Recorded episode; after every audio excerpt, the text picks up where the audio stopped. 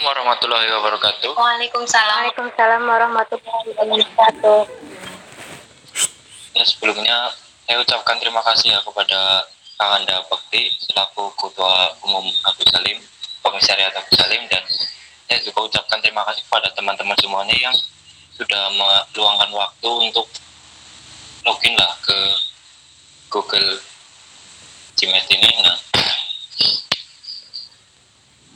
sebelum ke materi langsung ya, saya mau minta izin dulu nih. Semisal saya mau dalam menyampaikan itu ada sedikit kesalahan apa gimana? Sekaligus untuk apa ya namanya?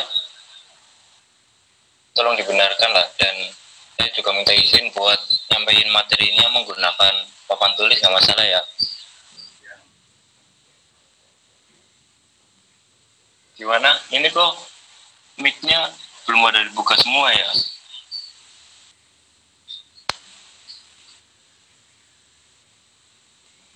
Ya Kanda, Ya, nggak ya. apa-apa Kanda, santuy aja Kanda. Iya, ya, semuanya dibuka. Oke. Bismillahirrahmanirrahim.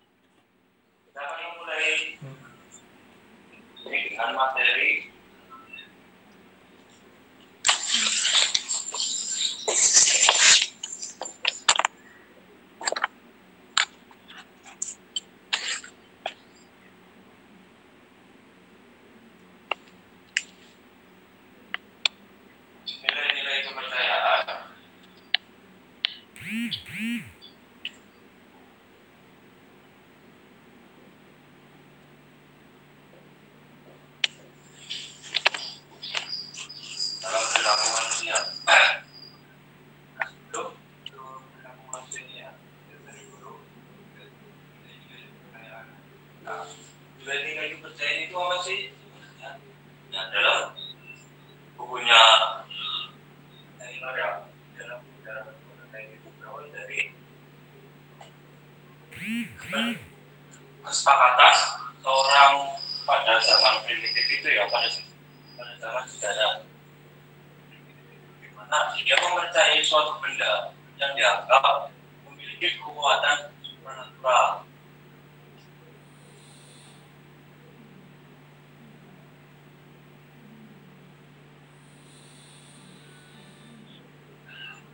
Setelah itu ya, sebelum untuk menjadi sebuah kepercayaan berawal dari sebuah keyakinan. Di mana Kita misal meyakini suatu benda, nah, oh, itu bisa memberikan kita kekuatan, bisa mengabulkan keinginan kita. Oke. Kepercayaan menurut Taylor.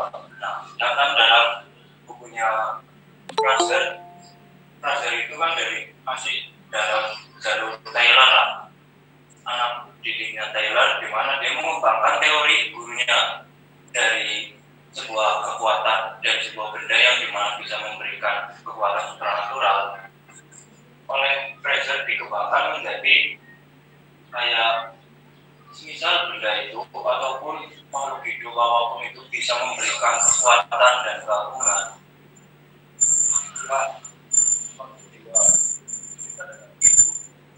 Kayak raja-raja yang pemerintahnya itu nah pada itu eh, di atas dewa. Pada unsur kepercayaan dalam kepercayaan itu ya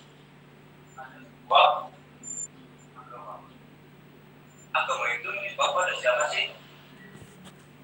Kakanda, Kakanda Aziz. Agama itu menyembah kepada siapa Kakanda Aziz? Pada Tuhan ya, tentunya agama itu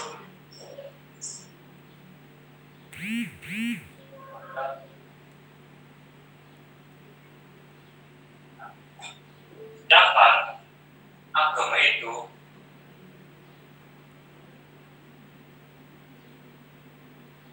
menurut James Matthew masih Barat menyatakan agama itu adalah suatu tindakan pengabdian kepada Tuhan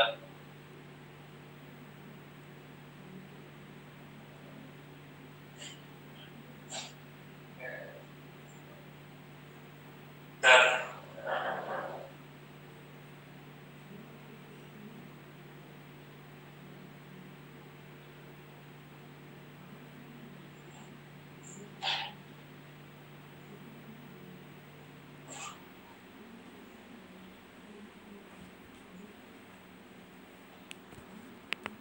dari asal usul agama ini ya. Kan pada ya sampai sekarang juga masih ada berbagai agama dan memilih tentang Tuhan-Tuhan mereka masing-masing lah. Intinya setiap agama kan ada Tuhan masing-masing. Yahudi itu kan menyembah pada Tuhan Yahweh terus ada Islam itu menyembah kan dalam Tuhan Allah. Nah, dari berbagai dari kebiasaan yang tadi itu kebiasaan yang menjadi sebuah kepercayaan akan itu sebuah nilai.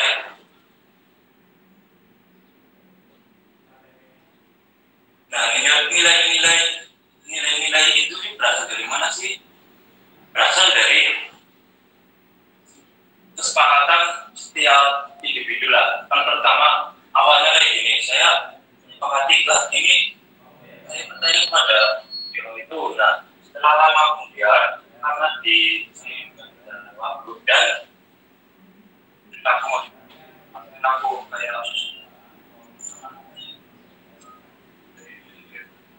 akan diamalkan setiap hari akan menjadi sebuah hal.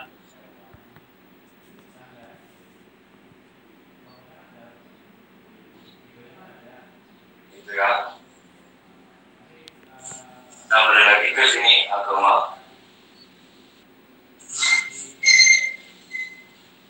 dari berbagai agama yang konsepnya gini semisal semuanya benar eh, semisal satu salah satu benar kan ada bukti kan ada bukti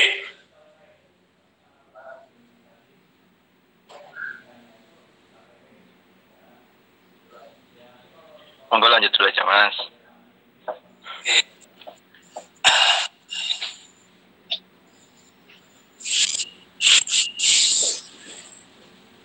Nah, dari berbagai ketuhanan itulah agama kan ada juga agama Tuhan beda-beda. Nah, dari berbagai agama itu, siapa sih yang agamanya itu benar-benar kebenarannya mutlak? Nah, kita cari kuncinya dulu. Bahwasanya agama yang benar-benar kebenarannya mutlak itu itu Tuhan Tuhan. Dalam agama ras apa pun itu nah yang memiliki Tuhan itu siapa sih? Siapa? Kakanda Aziz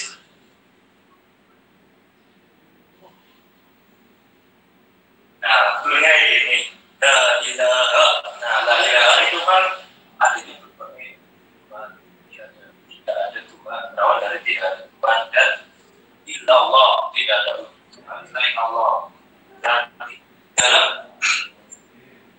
dalam agama nasi yang menyembah Tuhannya itu satu tentunya Islam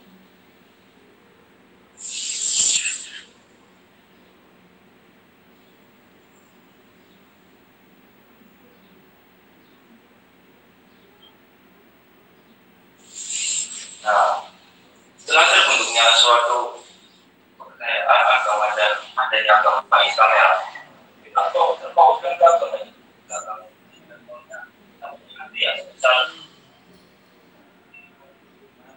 dengan konsep berbagai agama dengan ber- dalam perilaku manusia itu takutnya kan mengenai bicara sebagai ada dan fokus pada Islam dalam perilaku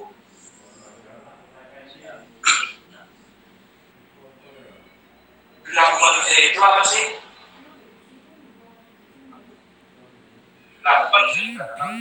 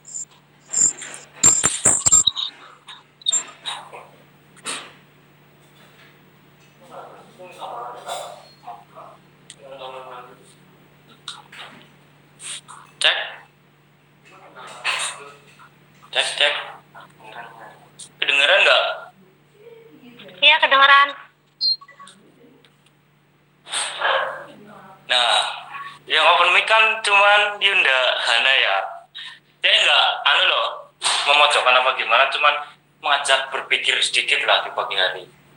Ya nggak? Ya, Apa yang lain?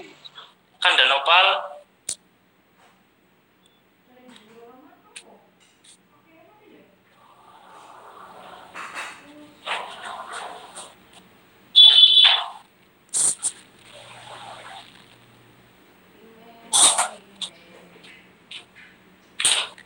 Yunda kan enggak?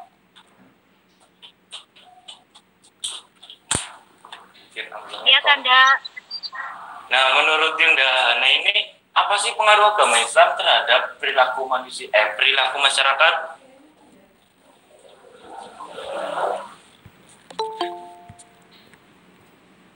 Nah, sedangkan masyarakat itu, eh, sedangkan agama itu, oh, di suatu apa ya,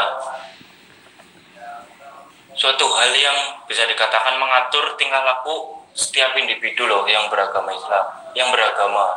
Nah, berarti bagaimana sih perilaku agama terhadap masyarakat? Nah, dalam agama Islam kan sudah dijelaskan bahwasanya koridor-koridor yang jelas tentang agama Islam itu terhadap perilaku manusia itu kan udah jelas. Kita harus melakukan kewajiban-kewajiban apa pun yang sudah diterapkan dalam agama Islam. Nah, sedangkan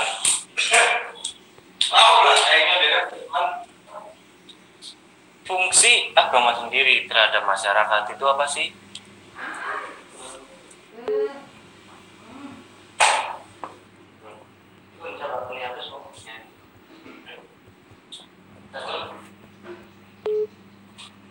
Nah, fungsi agama terhadap masyarakat itu ya fungsi agama. Yang pertama itu kan motivator. Kenapa dikatakan sebagai motivator? Karena dalam segala hal, nah ini nih dalam motivator ini benar-benar agama itu bisa membangkitkan semangat dan bisa dikatakan sebagai dorongan juga loh. Dan terhadap koridor-koridor yang sudah ditetapkan. Nah, fungsi yang fungsi agama yang kedua kan sebagai pemupuk solidaritas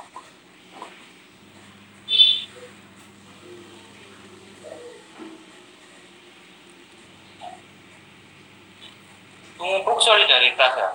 Kenapa bisa dikatakan sebagai pemupuk solidaritas? Karena agama itu kan solidaritas itu kan bukan hanya satu individu ke diri kita sendiri ya, tapi kepada individu lainnya. Nah, kayak gini loh konsepnya.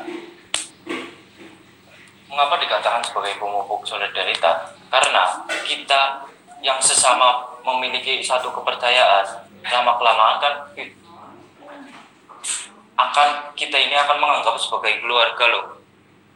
Paham nggak maksudnya? Tentang pemupuk solidaritas Paham, bos. oke saya anggap paham aja lah. Nah, terus yang kedua yang kedua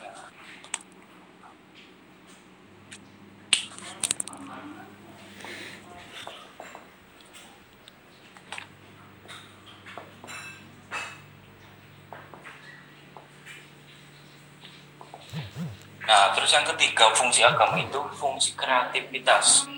Kenapa kreativitas?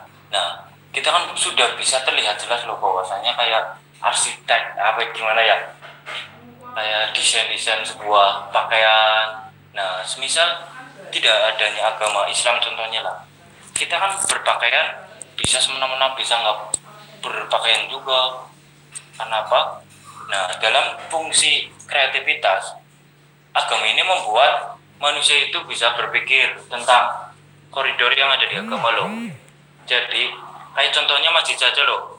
Kan sekarang Duh, contoh ag- ya dalam agama Islam lah masjid kan berbagai jenis lah bentuknya nah ada yang bisa dikatakan keren banget ada yang ya pas-pasan nah itu yang dikatakan sebagai fungsi kreativitas nah misal dalam konsep berpakaian ya contohnya wanita loh nah dalam wanita kan ada yang berpakai gombrong-gombrong tua gitu ya. Dan berjilbab ada yang bentuknya di sini ada apa nam apa namanya lah itu penghias di kepala itu kan dengan menggunakan kerudung itu karena adanya suatu agama khususnya agama Islam. Kayak gitu. Oh iya. ya kan Iya tanda. Nah, kita balik lagi ke peran agama terhadap pola masyarakat itu apa sih? Nah, pertama kan tadi kan sudah dijelaskan bahwasanya agama itu suatu pengabdian dan suatu eh, bisa dikatakan sebagai mengatur lah umat manusia kayak gitu ya. Nah, semisal tidak adanya agama, kita pautkan kepada agama Islam. Tingkah lam- tingkah laku manu- manusia itu masyarakat itu akan seperti apa? Ya enggak bisa saja tanpa adanya agama, agama Islam, manusia itu akan saling membunuh. Bisa saja seperti itu. Karena makna agama menurut James Matthew itu kan suatu pengabdian dan suatu pengatur kayak gitu ya. Kepada, terpautkan kepada Tuhan kayak gitu. Nah, semisal kita tidak beragama Islam, hmm, tidak beragama Islam, terkait koridor koridor yang sudah ditetapkan dalam agama Islam pun tentunya kan akan hilang. Jadi perilaku manusia itu akan bebas tanpa adanya suatu batasan, tanpa adanya suatu ya pokoknya dia itu bisa sangat berbuat semaunya loh maksud nggak dia nggak tanda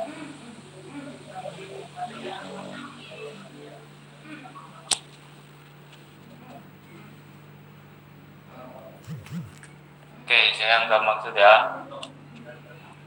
Nah itu salah satu dari pengaruh agama khususnya dalam agama Islam terhadap masyarakat yaitu untuk mengatur dan apa namanya sebagai suatu konsep di mana semisal kita menyerah kan ya kita kan akan tentunya akan teringat kepada Allah. Kita akan berdoa untuk meminta suatu keinginan.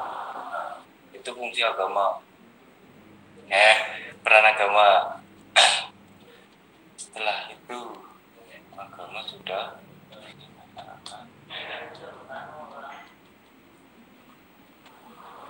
nah misal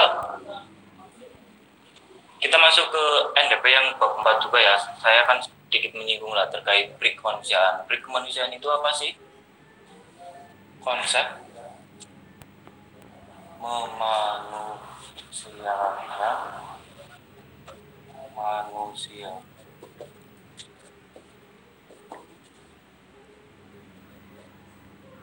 nah kayak gitu. Di mana sebuah agama itu juga menerangkan tentang memanusiakan manusia. Paham gak maksudnya memanusiakan manusia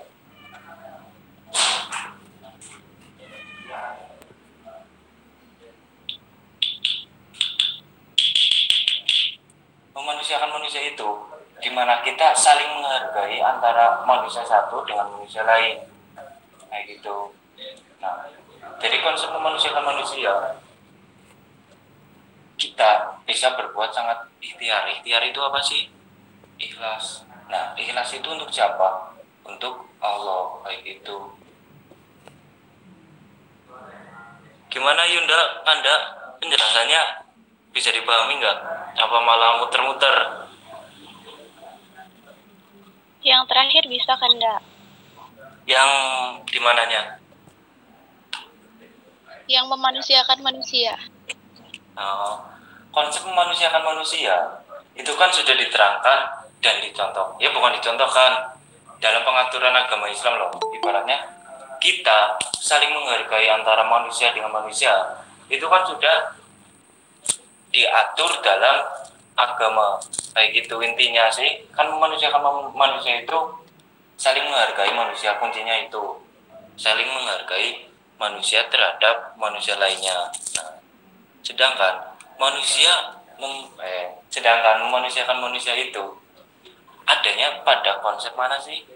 Semisal kita tanpa adanya agama coba kita hilangkan agama dulu. Apakah kita bisa memanusiakan manusia bisa diterangkan dengan adanya memanus- memanusiakan manusia. Kan itu belum tentu ya. Karena saya juga belum mengalami tanpa adanya agama itu. Nah intinya agama itu menerangkan tentang sebuah konsep man- memanusiakan manusia. Kayak gitu. Nah, memanusiakan manusia itu kan bukan hanya satu individu itu saja. Akan dan lama kelamaan akan menjadi sebuah kesepakatan di dalam masyarakat. Ibaratnya kayak gini loh sebuah masyarakat kan misal kita mencontohkan saya menghargai manusia itu dan manusia itu bisa melakukannya kepada siapa pun. Nah lama kelamaan itu kan dalam sebuah masyarakat akan saling menghargai. Itu kan berawal dari sebuah konsep agama. Paham nggak Yunda Novita Yun Iya, siap. Paham, paham, paham. Lumayan, lumayan. serius Iya, serius. Tapi juga eh, pada kenyataannya ya, sekarang ya kan berawal dari konsep agama itu menimbulkan yang itu yang tadi menimbulkan memanusiakan manusia. Tetapi seiring berkembangnya zaman juga eh, konsep memanusiakan manusia juga semakin memudar kayak gitu loh. Ya nggak sih Kanda? Gimana? Sorry sorry nggak denger tadi. Intinya yang terakhir aja. Poin yang Iya. terakhir. Intinya ya eh, memanusiakan manusia kan berawal dari konsep agama. Tetapi seiring perkembangannya seiring perkembangannya zaman peradaban sekarang juga memanusiakan manusia semakin memudar. Oh kalau semakin mudah ya iya loh, jadi kayak menurutku itu ya. kayak Ya. kasus-kasus kemanusiaan. Terus sekarang malah semakin banyak kayak gitu loh yang harusnya semakin lama semakin paham dan semakin bisa dipraktekkan kemanusiaan manusia itu malah semakin memudar kayak gitu rasa itu.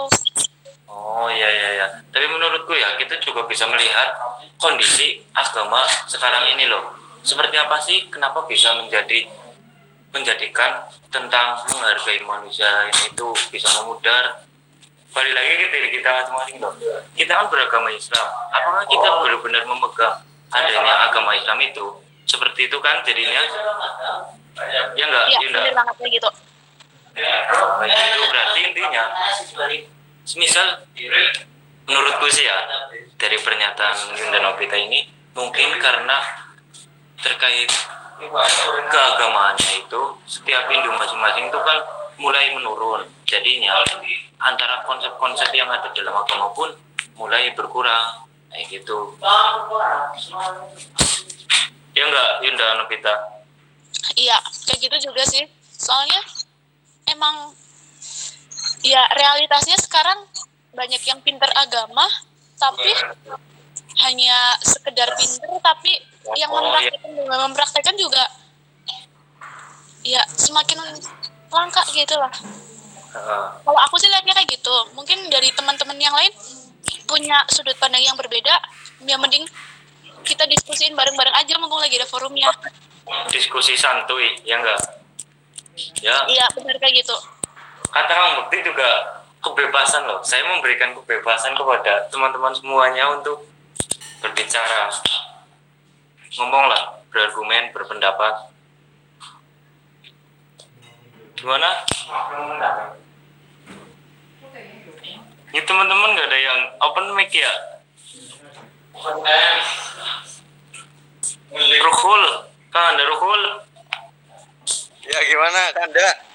gimana pendapat Kang Anda Ruhul terkait agama Islam khususnya lah bisa sekarang kan kan menurut eh dalam pendapatnya Yunda Nobita bahwasanya tentang menghargai manusia itu su- sudah sedikit luntur lah bisa dikatakan. Itu disebabkan karena apa sih? Menurut Kandaruhul itu disebabkan karena apa Kandaruhul Ya betul yang didiskusikan tadi ya. Kanda ya sama Novita. ya. Cuman gini, kalau memang agama menjadi tolak ukur menjadikan kita manusiakan manusia gimana kalau ketika pada saat dulu mungkin ya kita tidak mempunyai agama Hmm. gimana cara kita memanusiakan manusia pasti kan di situ masih ada manusia dengan memanusiakan manusia gitu loh. Heeh. Nah terkait? Kalau yang dulu ya sebelum adanya agama. Itu kan kembali lagi ke kepercayaan. Lo lo lo lo kepercayaan. Di mana? Dalam NDP dasar-dasar kepercayaan bab 1 kepercayaan dalam manusia itu pada dasarnya semuanya memiliki kepercayaan. Nah, semisal terkait dulu belum adanya agama itu ya eh, gimana ya? Kita bisa apa namanya kita bisa memanusiakan manusia dengan adanya kepercayaan itu loh. Nah itu kan pada zaman dulu itu kepercayaannya kepada suatu benda. Nah semisal kita mempercayai benda itu nah itu kan memiliki suatu kekuatan. Dan di mana semisal kita menyakiti orang lain ada kekuatan jahat yang bisa menjadikan kita mati ataupun terbunuh ataupun memala ataupun Allah gitu. Nah itu dalam konsep sebelum agama. Menurutku sih seperti itu. Oh ya, Gimana kan Darul? Ayolah, yang lain berpendapat lah. ya sed- eh, menang- menanggapi sedikit menanggapi tentang yang tadi agama Islam memanusiakan manusia. Ini dari dari pandangan saya aja ya. Ya, nggak apa-apa. Kalau dilihat eh, di sekarang ini itu justru banyak dari eh, orang yang mempunyai agama Islam yang enggak mengamalkan man- memanusiakan manusia. Contohnya ketika ketika mereka itu terlalu fanatik kepada golongannya. Kan kita kan agama Islam kan ada berbagai golongan. Nah. Ya, jika ada yang fanatik ter- terhadap golongannya mesti mesti ada yang kayak nggak suka ke golongan lain terus kalau nggak benci atau bahkan ada yang fitnah kayak gitu oh ya. Ya, ya, ya, ya.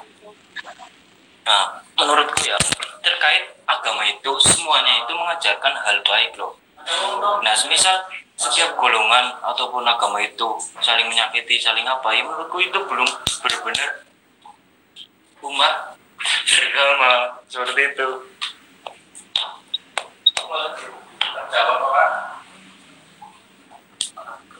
Eh, menurutku juga ya Yun, kalau misal kayak gitu tuh nggak mesti dari agamanya, kadang juga dari pribadinya hanya mengatasnamakan agama kayak gitu loh. Jadi memang seperti yang dikatakan oleh Kandadi tadi, semua agama itu mengajarkan kebaikan. Iya, kayak di agama lain pun ya pasti mengajarkan kebaikan kan. Ya, Tapi misal nantinya ada pergolakan karena fanatik-fanatik itu, terkadang tuh bukan karena agama itu sendiri, tetapi karena pribadinya. Cuma mengatasnamakan golongan itu, gitu loh. oh ya masuk juga itu. Balik lagi kepada individu kita, individu kita masing-masing sih. Misal kita meskipun beragama, tapi kan terkait menghargai orang lain itu ya bisa dikatakan sebagai apa sih karakter apa gimana lah itu Iya itu kayak gitu juga kembali lagi ke pribadi kan ya. iya Jadi emang banyak faktor ya, banyak faktor nggak cuma satu faktor aja. Jadi memang harus dilihat dari seluruh sudut pandang, nggak bisa dari satu sudut pandang kayak gitu.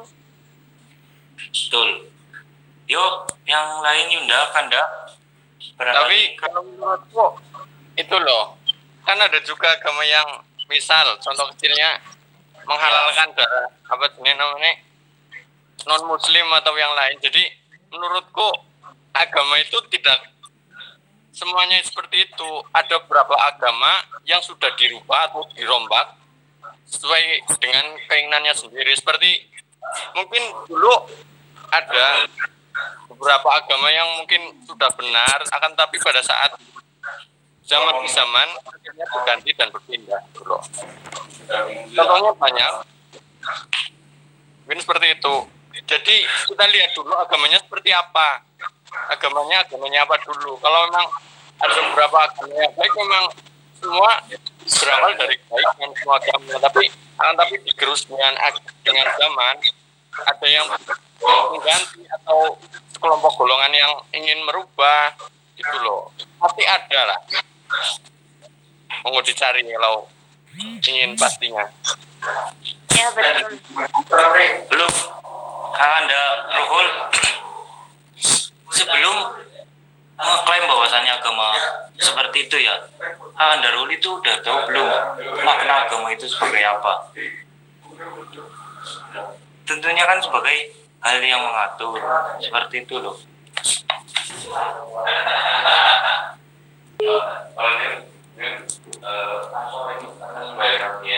Berarti kalau yang dikatakan oleh Kandaruhul bisa saja ya eh, satu agama yang sama tetapi di tempat yang berbeda itu memiliki kayak eh, ajaran yang berbeda juga karena tadi kan katanya bisa dirubah kayak gitu oleh suatu, oleh suatu golongan.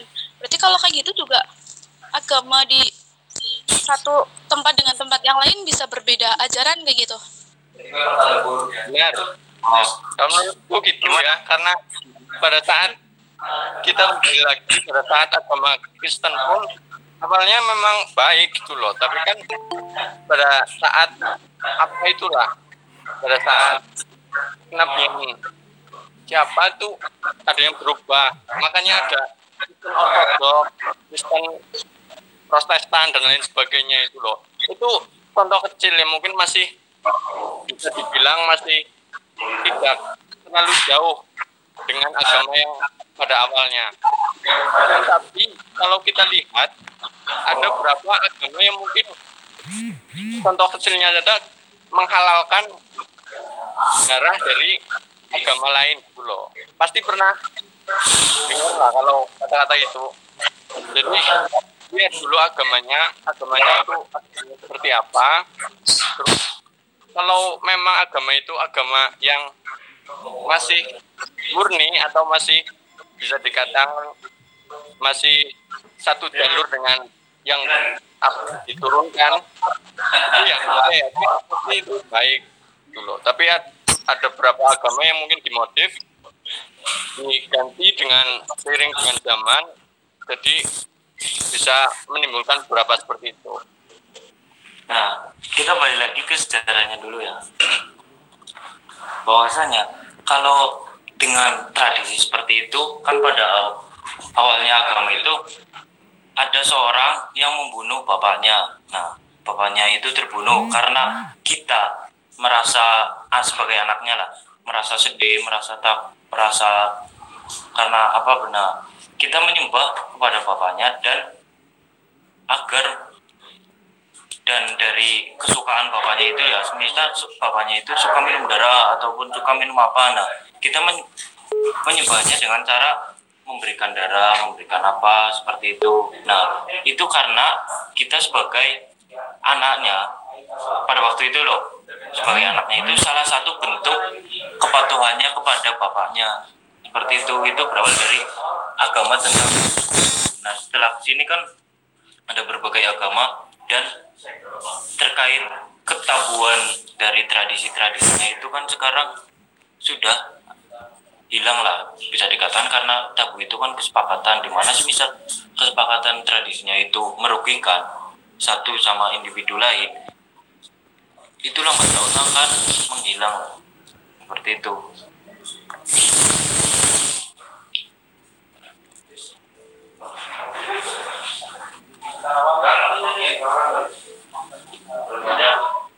gimana kan Darul yang kan Darul ya gimana? Gimana tadi yang katanya meminum darah itu?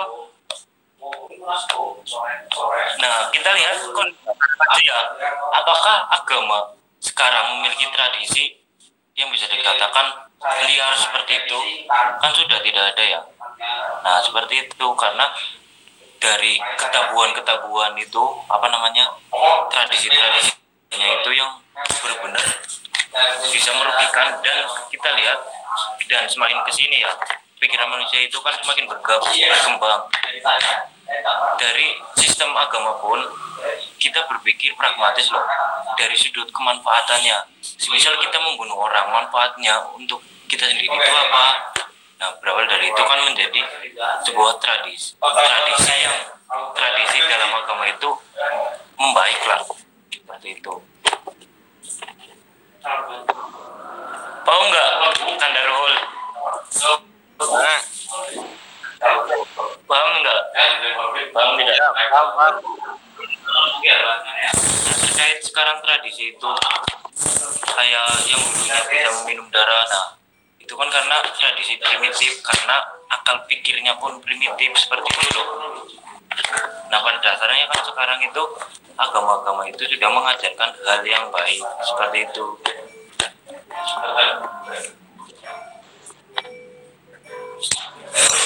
Ya yang lain? Barangkali mau berpendapat. Soalnya ini membicarakan agama loh tahunya malah membuat ibaratnya salah paham nanti takutnya pada murtad kan gimana gitu ya nggak sih Iya, kayak gitu. tetaplah ngobrol ngobrol tentang agama itu harus ada pemandu yang benar-benar bisa dikatakan keren lah. Ya? Anda tadi kan gimana bicara tentang fungsi agama itu sendiri ya. Ada memanusiakan manusia dan lain sebagainya kan. Hmm. itu mungkin apa fungsi umum atau gambaran umum dari kita lah. Selaku manusia. Sedangkan yang hidup di dunia ini tidak hanya manusia.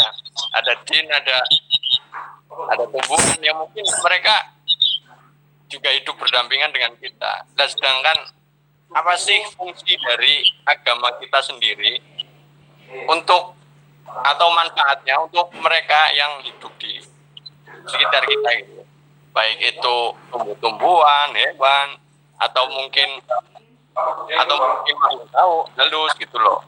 Apa feedback yang mereka dapatkan dari agama kita? Dari tumbuh-tumbuhan itu ya. Nah kita ke mukodima. Di mana Allah itu menciptakan manusia itu sebagai apa? Khalifah kan Kandarul oh ya sebagai khalifah kan? Nah, ya betul. Nah itu dari mana? Dari Allah. Allah itu dari mana? Agama. Seperti itu. Nah kelanjutannya kan sudah. Dari kesepakatan sebuah agama Islam lagi paham nggak manfaatnya apa berarti untuk mereka ketika kita memiliki agama atau tidak? Gitu loh. Nah kamu berlangkah seperti khalifah lah di muka bumi ini. Untuk untuk apa? Tentunya kan dalam lingkungan manu, dalam manusia hubungan manusia dengan manusia dan dengan tumbuhan bisa saja tujuannya kan misal karena ada tanah gersang di mana kita bisa menganut tumbuhan. Nah dari tumbuhan-tumbuhan itu itu kan salah satu untuk alam. Nah sedangkan tumbuhan itu bisa dikatakan sebagai alam. Maksud nggak? Ya ya maksud Artinya, cuman kan dalam kata khalifahnya saja ya, itu kan sudah tahu ke depannya itu seperti apa. Tujuannya Allah menciptakan manusia itu kan sebagai khalifah di muka bumi. Ya kan?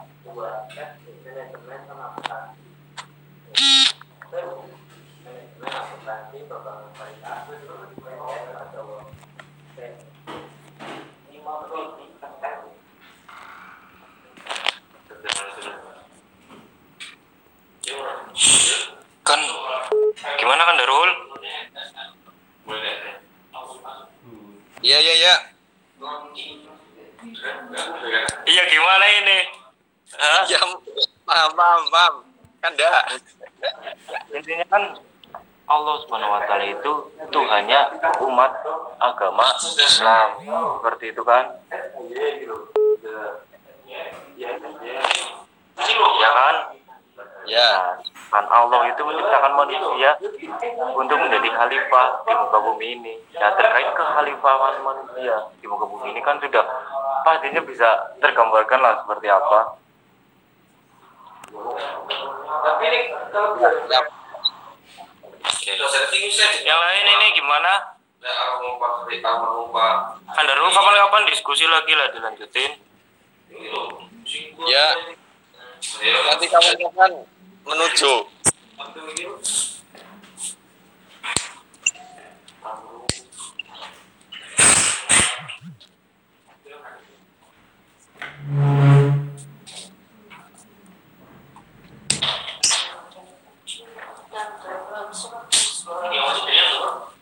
Gimana teman-teman?